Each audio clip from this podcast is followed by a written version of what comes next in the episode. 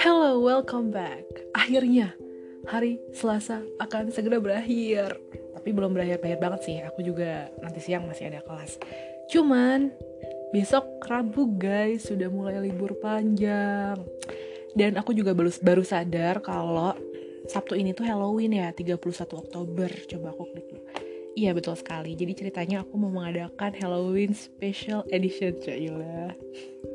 Jadi aku akan bercerita mengenai eh, hal-hal uh, misterius di berbagai negara gitu. Dan hari ini aku akan mulai dari negara kita tercinta Indonesia.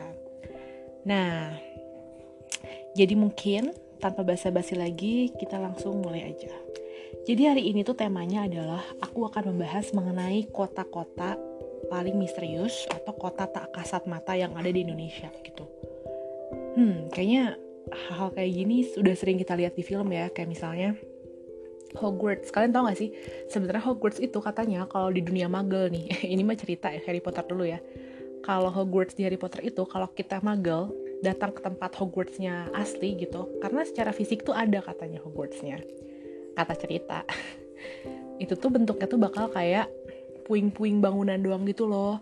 Kayak dataran panjang terus ada puing-puing bangunan. Tapi kan di, di dunia sihir tuh bentuknya Hogwarts gitu kan. Terus apalagi ya dunia-dunia kayak gitu. Kayaknya di eh, film-film banyak nih cuman kalau ini tuh ternyata ada juga di dunia nyata guys. Jadi yang kalau yang kita lihat kayak hutan atau kita lihat kayak dataran panjang dataran panjang kayak dataran luas gitu. Sebenarnya tuh kalau di dunia lain tuh dia tuh bisa menjadi sesuatu yang sebenarnya tuh megah gitu nah makanya kita akan bahas nih ada empat kota mistis ya atau tak kasat mata yang ada di Indonesia. Kita mulai dari kota pertama dulu. Nah, kota pertama ini namanya kota Saranjana yang ada di Kalimantan. Ini tuh kayaknya udah ngehits banget ya. Kayaknya di awal-awal tahun tuh udah, udah ngehits deh. Karena aku nggak tahu kenapa sih. Kayaknya banyak youtuber yang ngebahas juga sih. Tapi nggak apa-apa, kita bahas lagi hari ini karena aku suka misteri yang ini. Jadi katanya si kota Saranjana ini merupakan kota gaib yang letaknya itu di uh, Pulau Halimun atau yang dikenal pula dengan Pulau Laut, ibu kota kabupaten ibu kota kabupaten Kota Baru di Kalimantan.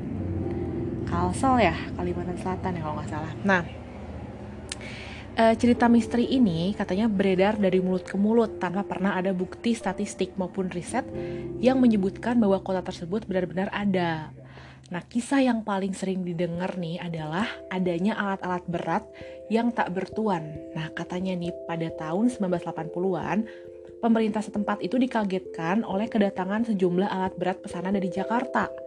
Semua alat berat dengan nilai sangat mahal itu dipesan seseorang dengan alamat kota Saranjana yang telah dibayar lunas gitu. Jadi udah dibayar lunas guys, bukan penipuan gitu ya. Padahal kota Sarajana di alam nyata secara administratif tidak ada di Kabupaten Kota Baru. Nah, makanya berdasarkan cerita yang beredar, kota ini merupakan wilayah yang sangat maju dengan jalan raya yang lebar, gedung perumahan yang megah, dan pagar rumah yang tinggi. Namun konon, jika manusia masuk ke kota Saranjana, mereka lantas tidak ingin pulang lagi ke alam nyata karena takjub dengan kota penuh misteri tersebut. Gitu guys. Nah, penampakannya sendiri aku nggak tahu ya seperti apa. Nah, lebih baik kayaknya kita bertanya kepada orang yang paham, yaitu ibu uh, apa ini? Ibu Desti Wisata, Kabit Desti Wisata Dinas Pariwisata Kalimantan Selatan, Ibu Ida Saptika Dewi. Ya, tentu saja bukan saya yang undang ya, guys. Mungkin harapannya tiba-tiba ada ibunya gitu ya keprok-keprok.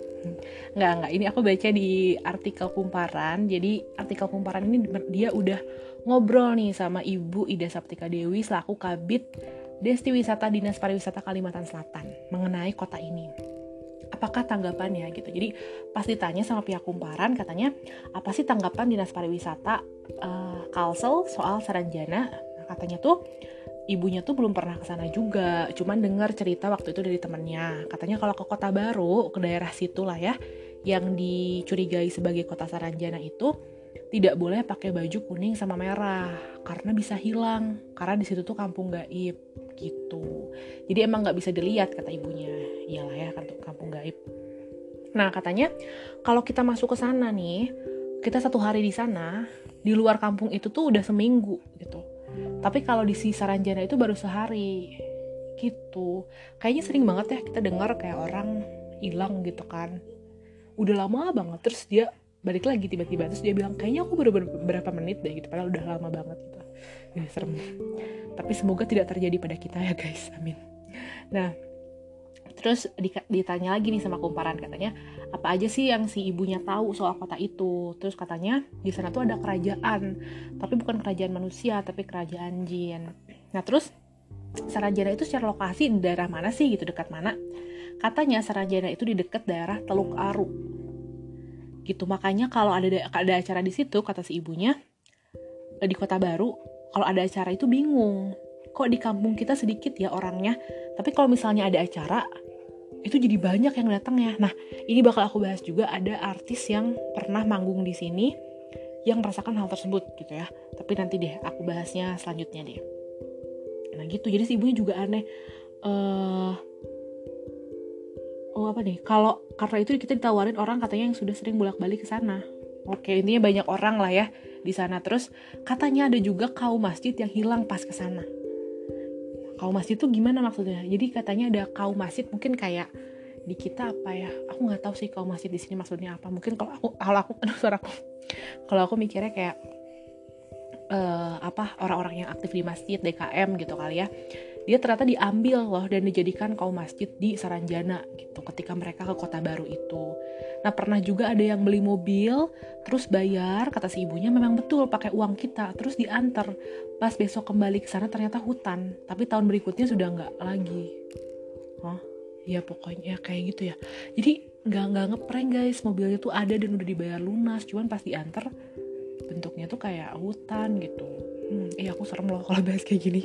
Nah terus uh, si orang kumparannya nanya lagi nih katanya itu tuh udah turun temurun atau gimana? Nah jadi kata ibunya emang ada yang ke sana tapi orang ini juga ya kali yang ke sana juga yang ilmunya tinggi. Eh, mohon maaf ya jadi si skrip dari kumparan ini kayaknya tidak dirapikan dulu oleh penulis artikel ya kayak plek-plekan dari si ibunya gitu jadi agak-agak rancu gitu. Tapi katanya udah turun temurun tapi yang ke sana juga suka ada tapi yang ilmunya tinggi. Terus biasanya orang tuh datang ke sana dan nggak bisa pulang lagi kayak gitu Nah terus kata si kumparannya, kalau ada yang hilang di sana terus laporan kehilangannya gimana? Uh, kata ibunya tuh nggak tahu kayak lenyap begitu saja. Tapi orang bukan rahasia umum lagi di situ udah biasa. Kayak kerajaan kerajaan jin. Tapi katanya kayak di situ kayak luar biasa. Mungkin maksudnya uh, bentuknya gitu kan ya si uh, landscape-nya terus kayak bangunannya kayak luar biasa banget gitu. Kota yang maju banget gitu Terus si komparannya nanya lagi nih, kalau yang tinggal di sana bukannya suku Dayak katanya. Kata ibunya kalau di kampung itu kan memang katanya jin Islam, tapi kan kalau di luar kampung itu kan memang ada kampung-kampung masyarakat kita, kota baru. Terus ada lagi yang nanya, yang dari sana bu, ada yang masuk ke Suranja, Saranjana, kalau pulang ada yang sempat mengabadikan dengan foto nggak gitu. Kata ibunya nggak sempet, nggak ada fotonya, sepenglihatan mereka sih kerajaan. Oke, jadi emang jadi di sana Berarti kalau di sana tuh adanya istana gitu ya Bu ya katanya. Iya iya kerajaan bentuk kerajaan adanya istana. Oke lalu bagaimana nih katanya ulama setempat menyikapinya? Kata si ibunya, kalau di kota baru itu bukannya dirahasia lagi, diperbincangkan sudah biasa itu. Ada yang ke sana, ada yang berani, ada yang enggak. Mungkin takut, takutnya kalau ke sana enggak kembali lagi. Misalnya hilang sebulan, tapi mereka di sana kerasanya cuma sehari gitu. Lalu kalau dari segi historis gimana? Jadi uh, katanya dari dulu dulu tuh nggak ada gitu. Mungkin karena dia juga nggak sempat ke sana untuk membuktikan. Yang dia tahu sih kerajaan kampung gaib gitu berkumpul di situ. Begitu. Itu adalah wawancara kumparan dengan uh, ibu uh, dinas pariwisata loh, dinas pariwisatanya saja sudah ya pada tanggal 20 Januari 2019. Mohon maaf saya tidak bisa mengundang ibu dinasnya ya. karena ya nama juga podcast rumahan. Tapi aku sempat baca juga katanya di zaman Belanda si Saranjana itu masuk ke ini loh peta kolonial Belanda gitu. Uh, aku lupa di mana uh, source-nya tapi kayak gitu. Jadi zaman Belanda tuh ada. Wow. Jangan-jangan apa mereka itu ini ya apa dulu tuh sempat kenalan sama penjajah gitu ya? Atau jangan-jangan mereka tuh sebenarnya dulunya tuh kota manusia. Eh aku pernah denger deh itu. Aduh tapi aku pernah denger doang ya guys. Aku nggak bisa mengutip source dari mana cuman aku pernah denger katanya apakah kota Saranjana atau kota mistis lainnya yang akan aku bahas nanti pokoknya kotanya tuh dulu pas zaman penjajah tuh ada sebenarnya orang manusia biasa. Cuman karena apa namanya uh, takut sama penjajahan gitu kan ya mulai banyak perang akhirnya dia kayak mengadakan perjanjian gitu deh sama orang ya makhluk di dunia lain sehingga satu kota itu dia tutupin jadi hilang gitu satu kota itu. Sampai sekarang tuh nggak ada. Aku pernah dengar deh apa kota Saranjana atau yang lainnya. Jadi sengaja kayak mereka. Kalau Harry Potter Harry Potter mulu. Yang kayak si Hermione iya gak sih spell yang aduh itu keberapa ya? Ketujuh apa ya? Yang si Ron sama Hermione sama Harry Potter ya ke dalam hutan terus kayak ada tenda terus dia kayak pakai spell spell gitu. Jadi kalau orang ngeliat tuh nggak ada apa-apa di situ padahal ada sesuatu. Mungkin itu spell yang dipakai buat Hogwarts juga kali ya untuk menyembunyikannya dari Muggles. Kayak gitu deh kayak katanya dia bilang kayak gitu juga. Jadi dulunya manusia atau mungkin memang kalau jin ya memang dari sana ya bukan manusia dulunya gitu. Jadi banyak spekulasi lah yang sulit untuk dibuktikan sepertinya guys gitu. Nah jadi ini juga aku um, banyak sih. Oh ini nih ini nih oke. Oke oke oke. Ini sekarang aku bakal bahas 8 fakta kisah misteri Saranjana kota gaib modern dan misterius di Kalimantan Selatan. Oke jadi katanya orang-orang masyarakat di kota baru itu percaya loh guys dengan keberadaan Saranjana ini jadi katanya sebagian masyarakat Kota Baru ini percaya keberadaan Saranjana ini. Jadi sebenarnya tidak diketahui secara pasti awal mula cerita mengenai kota gaib atau kota supranatural. Kalau ditanya ke orang Kota Baru, pasti mereka tahu soal Saranjana atau paling enggak pernah denger gitu. Masyur ini adalah sejarawan. Jadi ini tuh kata-katanya si Masyur. Masyur adalah seorang sejarawan dari Universitas Lambung Mangkurat Banjarmasin, Kalimantan Selatan. Dia mengatakan kalau Saranjana tidak dapat dilepaskan dari aspek sejarah lisan lantaran batas fakta atau mitosnya sangat tipis. Masyur melanjutkan, keberadaan kota yang hilang ini bisa dilihat dari aspek historis melalui metode penelitian sejarah. Metode yang digunakan mulai dari metode heuristik, verifikasi, interpretasi, dan juga oh, historiografi. Oke, uh, mungkin nanti aku akan membahasnya dengan EMK ya guys, karena dia orang sejarah. Kalau aku kan tidak, jadi uh, mungkin kita lihat dari aspek sejarahnya kayaknya seru deh. Oke. Selanjutnya, fakta yang kedua. Jadi itu fakta yang pertama. Tadi adalah fakta pertama adalah masyarakat Kota Baru percaya keberadaan Saranjana. fakta yang kedua, pulau laut dan keberadaan Saranjana gitu. Jadi kalau kita mencari di peta, peta peta modern Indonesia, maka pulau laut ini nyaris tidak terlihat lantaran ukuran itu yang kecil. Walau sebenarnya tuh nggak kecil-kecil banget gitu ukuran pulaunya ini karena luasnya mencapai 1873 km persegi yang kalau dibandingin sama Jakarta mah Jakarta cuma 661 km persegi. Wow lebih dari dua kali dua kali lipatnya ya. Jadi ya kecil tapi nggak sekecil itu gitu. Nah pulau ini tuh memiliki 6 kecamatan yang terdiri dari 74 desa dan 4 kelurahan. Semuanya masuk Kabupaten Kota Baru. Nah, kawasan ini masuk ke dalam Kabupaten Kota Baru, sebagian wilayah berada di Pulau Kalimantan. Pada 2005, uh, jumlah penduduk pulau ini tuh hanya sekitar 127 ribu jiwa. Sementara jumlah penduduk kabupaten ini adalah 256 ribu jiwa. Hah? Bentar. Penduduk pulaunya 127 ribu jiwa, sementara jumlah penduduk kabupaten 256 ribu jiwa. Jadi, kan si kabupaten itu di dalam pulau. Tapi jumlah penduduk di kabupaten lebih besar dari jumlah penduduk di pulau. Ya udah deh. bingung saya oh, mungkin karena dia tidak terlihat aku tidak mengerti ya lalu katanya uh -uh. Oke oke atau dia sebagian ya pokoknya gitu deh. Nah jadi ibu kota kabupaten ini berada di bagian utara pulau. Namun memang tidak ada nama Saranjana atau Tanjong Saranjana. Tanjong Saranjana adalah nama lain dari Saranjana yang dikenal sebelumnya. Malah ada di peta dan kamus zaman Belanda. Wow, wow, wow, wow. Kita langsung ke fakta Saranjana ketiga. Jadi ternyata Saranjana ini tercatat dalam peta zaman Belanda. Menurut dia, Saranjana ini sebagai kota bisa dilacak keberadaannya melalui peta pada zaman penjajahan Belanda. Mungkin dia itu nge-refer tadi ke ya ke Pak Bapak dari Universitas Lambung Mangkurat, Pak Masyur, Masyhur sejarawannya. Jadi kata bapaknya ini, Saranjana ini bisa dilacak loh keberadaannya melalui peta pada zaman penjajahan Belanda. Peta itu bertajuk bahasa Belanda nih. Kart van de Kust en Binnen London van Banjarmasin behorende tot de reize in het Zuidel Gedelte van Borneo ya gitu ya intinya. Pokoknya mungkin Oh iya ada terjemahannya guys, ngapain saya baca capek-capek. Jadi katanya kalau diterjemahkan adalah e, peta wilayah pesisir dan pedalaman Borneo. Nah Borneo adalah nama lain dari Kalimantan Sementara peta ini dibuat oleh naturalis asal Jerman, yaitu Salomon Muller, pada 1845 silam. Peta tersebut diterbitkan oleh... Oke, langsung artinya ya, jangan bahasa Belandanya.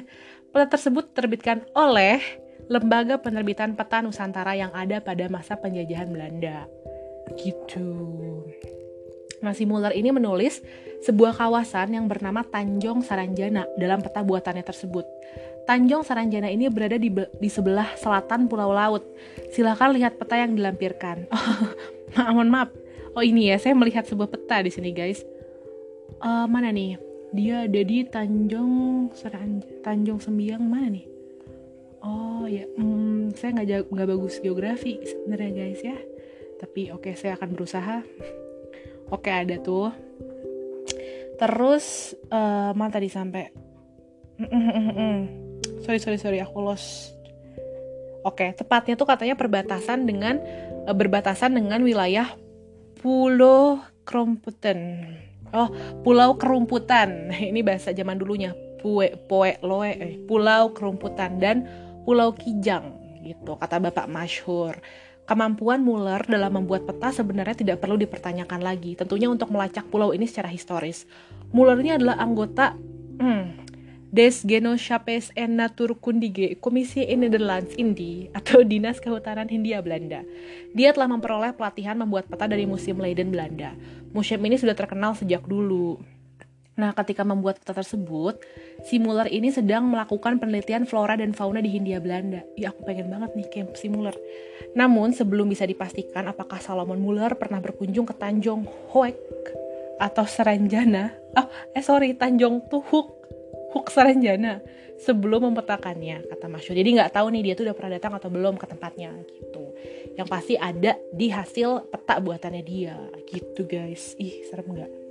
Hmm. Terus ada lagi nih katanya fakta keempat bener gak? Ya fakta keempat.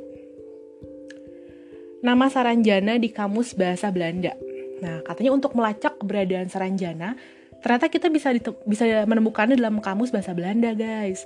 Kamus yang dimaksud adalah kamus yang berjudul ini mah gak ada bahasa Indonesia nya ya udahlah pokoknya Ardrich Kundig en Statistik Statistik Woordenboek van Nederlands Indi Bewerk naar de jongste en beste berichten karya Peter Johannes Veth.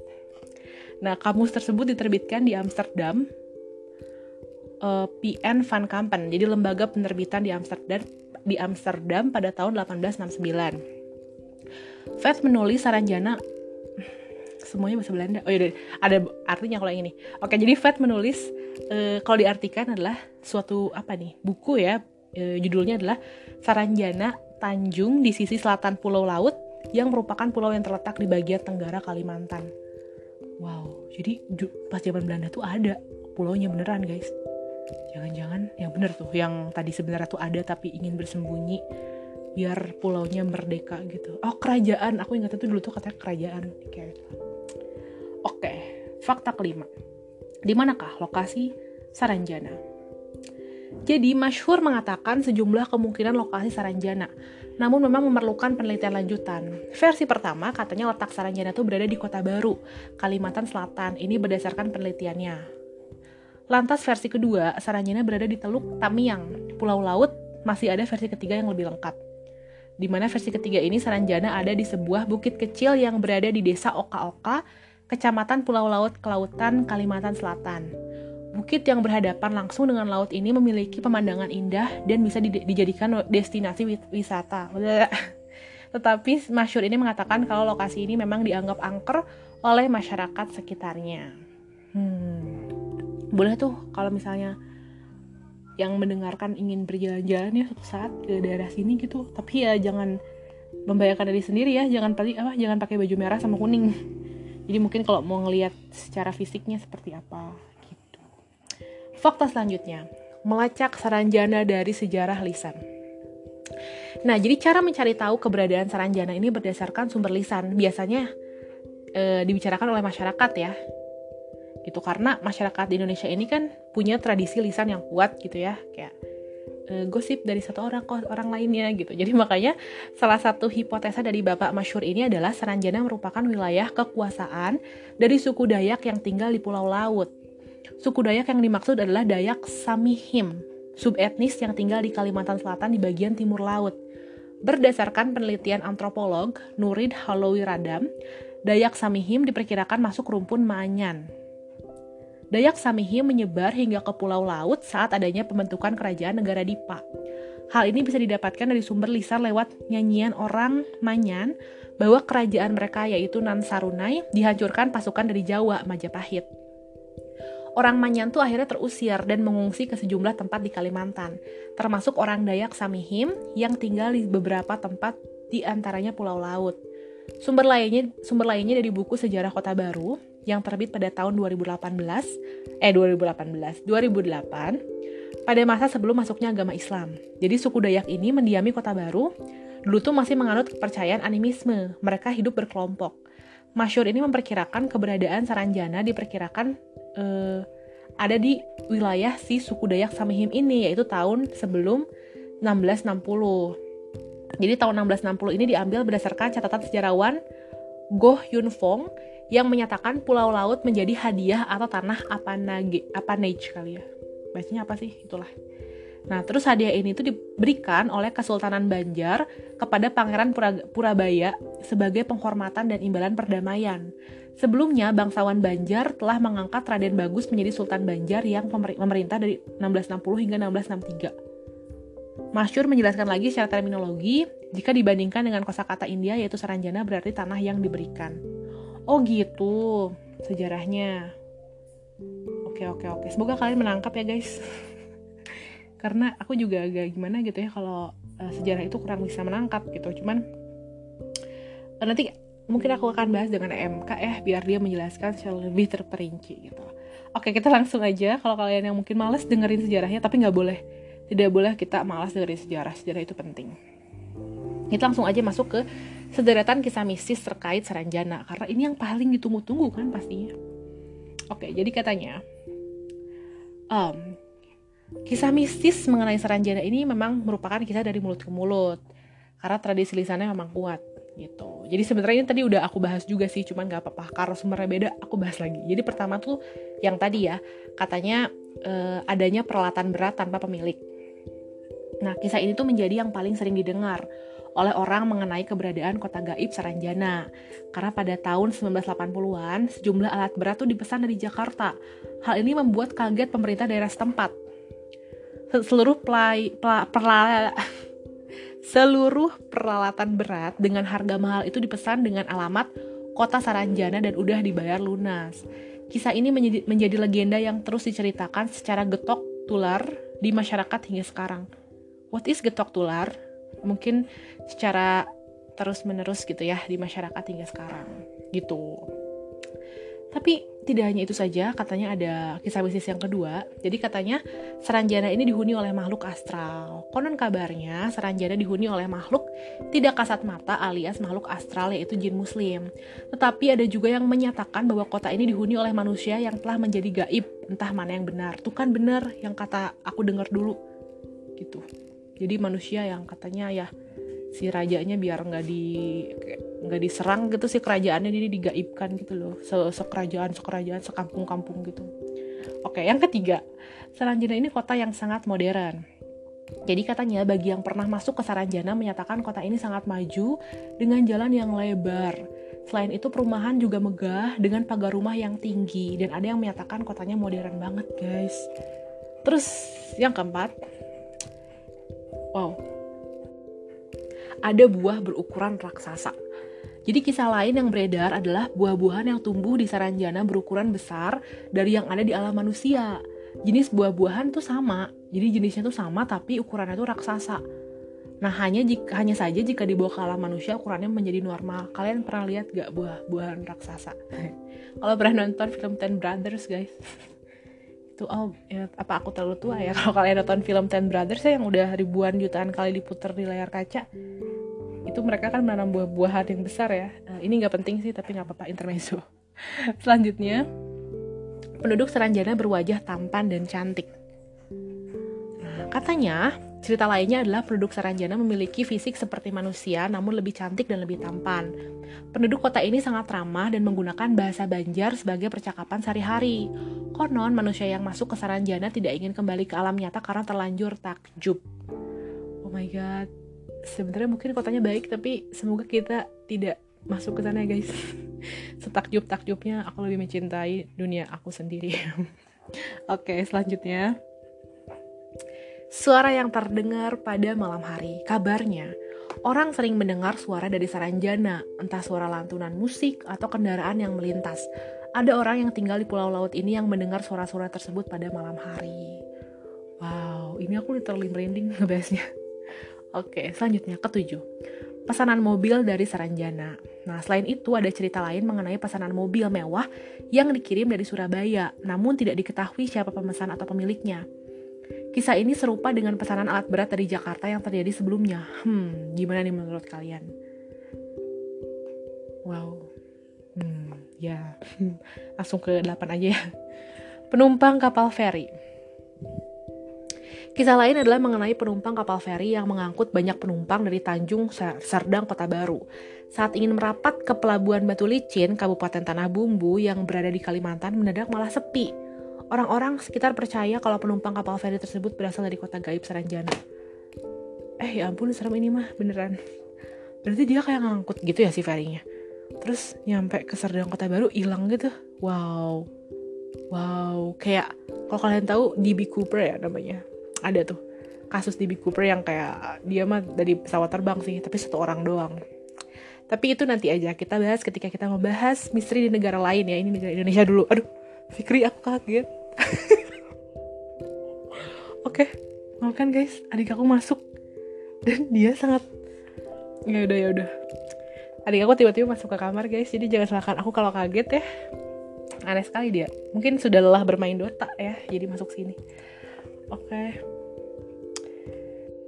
Oke, tadi kepotong, tapi langsung kita lanjut aja ke um, masih di kota Saranjana, cuman ada pengalaman artis ternama saat manggung di kota misterius ini, guys. Nah, ini tuh pertama kali tuh kayaknya sih booming kota Saranjana ketika si Ari Lasso ngebuat paranormal paranormal experience di Raditya Dika deh.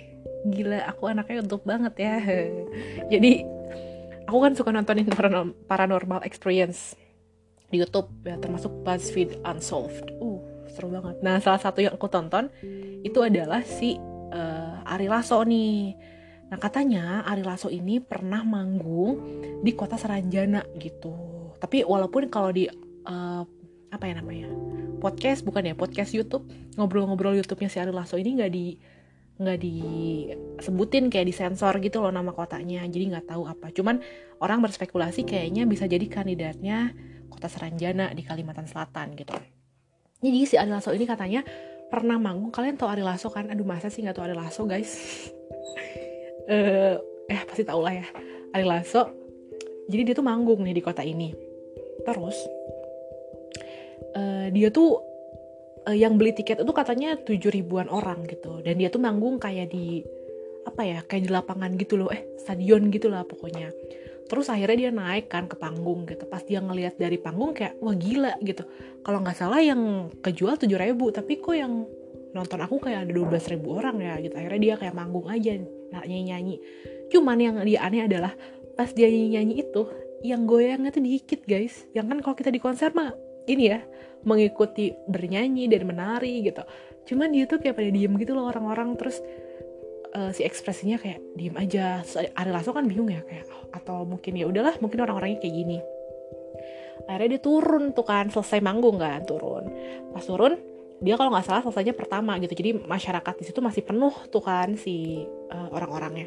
Pas dia turun dia lihat gitu kan di bawah panggung nggak uh, orang yang keluar uh, meninggalkan konser itu cuma dikit gitu. Jadi dia mikir oh masih banyak. Tapi pas dia ngelihat ke sebelah ternyata kosong dong si itunya apa stadionnya. Jadi pas dia turun tuh nggak kayak yang dia lihat di atas panggung kayak orang ya mungkin ada orang cuman nggak sebanyak yang dilihat di atas panggung. Padahal jelas-jelas dia tuh turun tuh langsung ketika orang masih banyak dia turun dan dia lihat di pintu keluar cuma satu nggak banyak yang keluar juga gitu. Jadi nggak nggak mungkin orang-orang kayak semuanya langsung keluar gitu kan. Tapi kayak nggak logis aja kok pas turun ternyata aslinya tuh nggak banyak orang ya gitu nggak sebanyak yang aku lihat di panggung gitu. Nah itu katanya beberapa ya tadi ya dari kota Saranjana itu si Ari Lasso tuh. Kalau nggak salah cuma Ari Lasso deh kayaknya ada band juga ini siapa nih? Iya eh, Lila apa ada band ya? Oh ada band ada band kalau nggak salah. Eh ya itu dia pokoknya. Kalau nggak salah mereka itu uh, berdua. Jadi kayak Ari Lasso sama ada band apa siapa gitulah pokoknya. Gitu guys. Kalian kalau mau langsung nontonin si Ari Lasso-nya di Raditya Dika boleh juga sih. Kayak gitu. Oke itu adalah kota pertama kota Saranjana yang udah 30 menit sendiri guys membahasnya karena memang aku risetnya nggak cuma dari satu sumber doang kalau kota Seranjana ya tadi aku kan baca sejarah segala macam. Nah ternyata nggak cuma Seranjana doang ada juga kota-kota lainnya yang serem-serem. Cuman yang ini nggak akan aku bahas lebih detail karena waktunya juga kayaknya udah 30 menitan ya. Kayak jadi aku langsung cepet-cepet aja.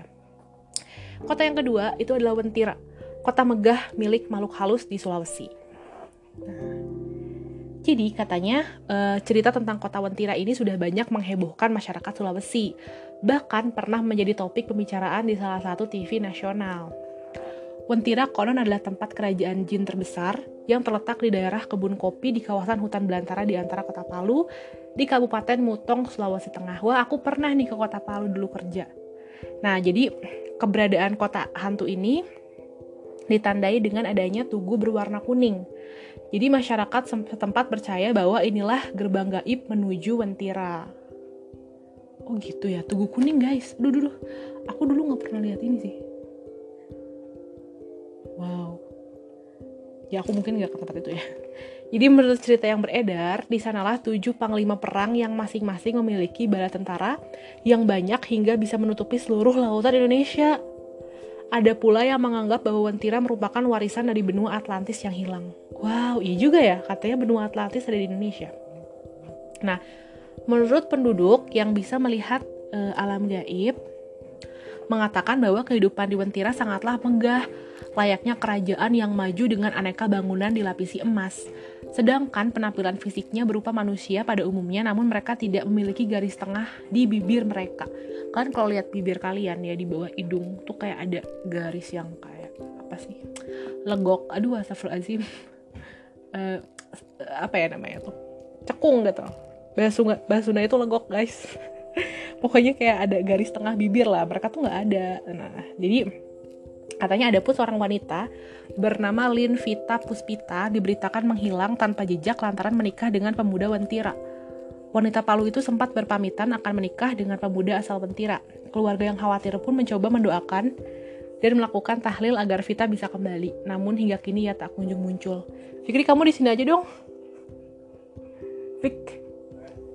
Duh, ada aku ya. Kamu di sini aja dong duduk. Enggak ya. Udah. Oke, maaf ya guys, itu iklan. Oke. Aku takut nih kalau kayak gini-gini. Oke, lanjut ke yang ketiga. Padang 12 di Ketapang. Jadi, menurut penuturan warga setempat, kawasan seluas 12 km persegi yang diisi oleh tumbuhan hijau ini adalah kota hantu. Jadi nama selanjutnya ini Padang 12. Kayaknya bukan di Padang tapi guys, namanya doang nih Padang 12. Jadi katanya di sini konon hidup masyarakat tak kasat mata yang tinggal dengan kemewahan. Ini selalu mewah gitu ya? Nah konon penunggu kawasan ini rumahnya terbuat dari emas dengan rumah-rumah dan kendaraan. Namun orang-orang tertentu saja yang bisa melihat kehidupan tak kasat mata ini. Menurut warga yang tinggal di kawasan ini, kadang warga kota gaib pernah belanja di pasar di Ketapang. Mereka tidak membayar dengan uang namun menggunakan kunyit dan rempah lain yang bisa digunakan sebagai bahan masakan. Keesokan harinya, kunyit ini akan berubah menjadi emas. Kawasan ini hanya 30 menit dari Pontianak. Tertarik untuk melihatnya? Wow. Hmm, ya ya ya ya. Padang 12 guys. Mungkin yang ke Pontianak nanti bisa lihat di Ketapang. Oke, lanjut lanjut lagi ini udah mau selesai. Terakhir, kota misterius di makam Kemangi Kendal. Bukan Kendall Jenner, but Kendal. Oke, okay, not funny. Oke. Okay. Jadi Kendal adalah kawasan jalur Pantura yang sering kali mendapatkan julukan kota mistis karena adanya makam Kemangi. Oh, Oke, okay, bentar. Nah, konon di makam ini merupakan kawasan kota gaib karena masyarakat sering kali mendapati keanehan-keanehan terjadi di kawasan ini. Pernah suatu hari nih supir truk pasir terjebak tak bisa keluar dari kawasan makam karena malamnya ia mengantarkan pesanan pasir yang alamatnya berada di kawasan makam tersebut. Hah? Jadi kayak masuk gitu ke makamnya si supirnya. Adapun kejadian supir dealer mobil mengantarkan pesanan mobil di desa Jungsemi, Kecamatan Kangkung. Anehnya sopir tersebut tidak kembali lagi setelah mengantarkan mobil ke rumah anak kepala desa. Lalu pihak keluarga menanyakan pada sang kepala desa dan ditunjukkan rumah kepala desa. Namun alangkah terkejutnya, ternyata anak kepala desa tersebut sudah meninggal. Lalu masyarakat pun mencari juru kunci untuk menemukan di mana keberadaan sopir tersebut. Yang benar saja, sopir tersebut memang datang mengantarkan pesanan ke kota hantu desa Kemangi. Setelah kembalinya ke alam nyata, oh dia oke okay, oke. Okay. Sopir tersebut menceritakan bahwa di alam gaib hampir sama dengan alam nyata bahkan lebih mewah dan enak. Eh, semuanya sama kayak gitu ya. Tapi tetap aku tidak tergoda guys. Serem banget kayak gini-gini. Oke, okay, jadi itu adalah empat uh, tempat mistis yang ada di Indonesia. Kalau misalnya tempat mistis yang ada di Indonesia tuh seremnya tuh nyata gitu ya guys, karena memang masyarakat kita tuh kental sekali kan dengan hal seperti itu jadi aku percaya nggak percaya sih cuman kalau misalnya serem-sereman kayak vampire kayak gitu-gitu kan kayaknya nggak serem biasa aja gitu monster gitu. Bahkan pengen lihat ya Loch Ness gitu cuman kalau kayak gini-gini tuh serem banget. Aduh. Nah kalian percaya nggak sih sama hal kayak gini? Dan percaya nggak ya? Aku ngapain nanya? Kan kalian gak bisa jawab ya aneh banget aku. Pokoknya retoris aja deh. Kalian percaya tidak dengan hal-hal seperti ini gitu? Kalau kalian percaya mungkin kalian suatu saat bisa datang ke lokasinya ya. Walaupun jangan sampai nantangin dan jangan berharap untuk masuk ke sana cuman kayak lihat doang gitu. Kayaknya seru ya. Tapi kalau aku sih enggak sih. As long as masih di Indonesia atau di Asia aku nggak nggak mau menyambangi gitu. Karena hmm, aku pernah nih dat ini intermezzo nih ya guys maaf ya. Udah 37 menit padahal. Jadi kalau di kota-kota di Asia tuh bagi aku tuh kental akan hal-hal seperti ini gitu. Karena masyarakat itu percaya dan kepercayaan masyarakat itu somehow ngebuat hal itu tuh makin nyata sih. Kalau dari teori aku yang nggak tahu datang dari mana ya. Karena dulu pernah nih aku uh, tinggal nih di suatu daerah bukan Indonesia sih di Thailand. Cuman dia di pedalaman gitu di Pitsanulok namanya. Sekitar 7 jam dari Bangkok. Uh, aku di sana staynya di uh, aku dulu student exchange lah ya. Jadi pertukaran pelajar dan aku tinggal di rumah penduduk gitu. Jadi aku nggak nggak di apartemen atau aku di uh, apa tuh uh, kos-kosan atau asrama gitu. Tapi aku tinggal di satu keluarga gitu. Kayak diadopsi lah ceritanya sama keluarga itu. Namanya host family-nya gitu. Dan di daerah itu tuh memang kental banget gitu. Bahkan keluarga aku aja tuh dulu uh, punya boneka. Boneka yang um, mereka jaga. Kalau kalian searching aja Thailand doll gitu ya. Coba aku searching ada nggak ya? Thailand doll nah kalian bisa ya udah kalian cari aja Thailand doll nanti bakal ada tuh bonekanya kayak gitu. Bentuknya tuh kayak manusia gitu loh guys. Dan biasanya tuh macam-macam peruntukannya ada yang dimasukin uh, pokok tapi intinya bonekanya tuh ada isinya lah.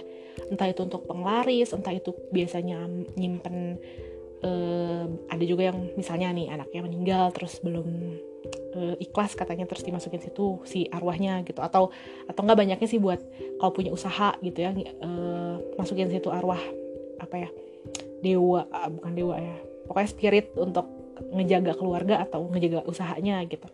Kayak gitu. Nah si keluarga aku juga punya dulu dan uh, hampir semua orang daerah situ juga punya gitu loh. Dan mereka tuh bener-bener suka bawa bonekanya terus mereka sisirin mereka mandiin. Bahkan kalau kita ke supermarket tuh banyak yang jual bajunya gitu loh. Dan mereka nyebutnya itu anak mereka. Hostem aku punya dua satu perempuan satu laki-laki. Terus um, katanya tuh si hostem aku dengan bangganya ngomong kayak iya ini tuh aku urus kayak anak aku sendiri gitu. Dan rambutnya tuh tumbuh loh gitu. Kayak gitu gitu. Aku kayak gitu kan. Eh, gimana ya? Mungkin buat mereka itu sesuatu yang baik tapi bagi aku kan menakutkan guys. Terus daerah situ kan masih percaya sama hal-hal mistis. Jadi sering banget kejadian hal-hal yang mistis tapi diliatin lihat sama banyak orang gitu loh. Kayak misalnya ada yang bapak-bapak waktu aku di sana dia meninggal ke apa ketabrak truk gitu kan. Tapi bapak-bapaknya itu besoknya tuh udah meninggal tuh kan. Karena kan sebagian tubuhnya kayak kelindes gitu. Terus uh, besok paginya tuh bapak-bapaknya itu ngejaga warung dong guys. Ngejaga warung.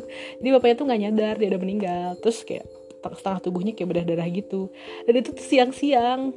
Aku nggak ngelihat karena saat itu aku ikut sama host, host sister aku ke sekolah. Kan aku juga di sana ngajar gitu ngajar di SD gitu. Uh, nah aku nggak lihat karena memang dia di desa sebelah dan uh, aku ngajar gitulah pokoknya intinya gitu. Terus si host sister aku ngasih ngeliat videonya ini sumpah teman aku gitu. Terus dia ngeliatin videonya iya dong bapaknya tuh ngejaga warung. Dan itu siang-siang dan orang-orang kayak ah gitu. Itu tuh jelas terpampang nyata dan itu nggak nggak bohong gitu. Beneran ada. Makanya aku selalu percaya kalau kalau di satu daerah itu beneran percaya gitu itu tuh bisa entah sugesti entah gimana ya suka jelas banget gitu halnya yang mengerikan tuh terjadi kan jadi serem kan kitanya makanya kalau di Asia hantu-hantu Asia hantu-hantu yang kayak hal kayak gini tuh kepercayaan orang tuh membuat itu tuh jadi nyata gitu. Katanya sih kalau di aku dokumenter yang aku tonton itu tuh ada uh, mass paranoia jadi paranoid masal gitu ya dan halusinasi masal jadi bisa jadi itu tuh ada halusinasi massal karena orang-orang tuh berpikir seperti itu. Jadi kekuatan pikiran karena pikiran kita tuh kan katanya mengeluarkan suatu frekuensi khusus gitu ya. Dan kalau satu desa itu percaya tuh bisa kejadian. Halusinasi massal atau bener-bener me mengganti tatanan alam, alam semesta gitu loh. Aku lupa nonton di mana tapi itu di salah satu dokumenter makanya aku nggak berani main-main sama yang kayak gitu. Karena bisa jadi nyata. Karena pikiran orang-orang gitu. Gitu deh pokoknya nah sekian uh, cerita hari ini. Mohon maaf kalau melompat-lompat atau tadi banyak interupsi. Semoga cukup jelas dan menghibur untuk uh, long weekend dan menghadapi Halloween di Sabtu ini. Nah jadi selamat uh, menjalani mang mulu menjalani long weekend guys dan Halloween. Semoga kita semoga long weekend ini membuat kita bisa menghadapi uh, bulan depan November yang tidak ada tanggal merah dengan lebih semangat. Oke, okay. jadi segitu aja dari aku. Thank you for listening. See you tomorrow, I guess. Bye.